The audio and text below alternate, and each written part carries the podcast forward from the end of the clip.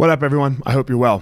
Um, last week we talked about the idea of taking a shower, right? Taking a shower, as in washing off all of the the dirt and the grum and the and the grime from yesterday, okay, or whenever it was the last time you took a shower.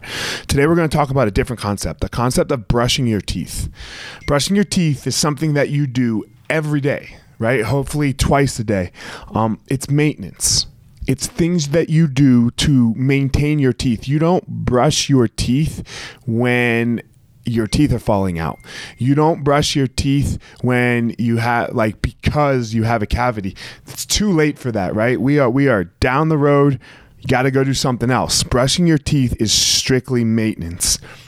What are you doing for the maintenance of your life? There's things that you have to do for your soul again, right? That are just for, for you, that are just maintenance.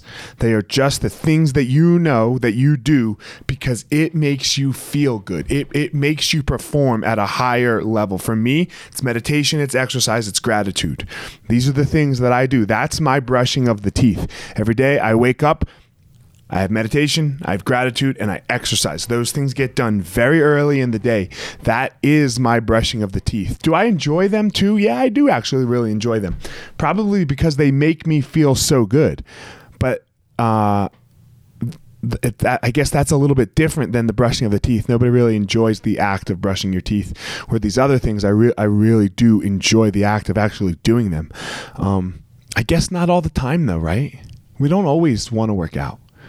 I don't always want to meditate. Sometimes I, I, just don't, I'm not feeling it. And when I, am like, ah, oh, man, my, uh, but I, I sit down and I get her done. Right. So sometimes you don't always enjoy it. This is this, that, that, that is a true statement for me. I don't know about for you, but it is my maintenance. It's different than taking a shower, right? It's different than washing off yesterday. It's what I do, do so that I can go out every day and be the best me that I can be, especially right? We're in the middle of this coronavirus, COVID bullshit, right? Like, especially in these hard times, especially when it's hard. On, on, on our soul it's not physically hard it's not it's not strenuous it's hard on your soul it's hard it's hard on your the, the, that inside you can't even describe it are you are you brushing your teeth every day so that you can go out there and find your power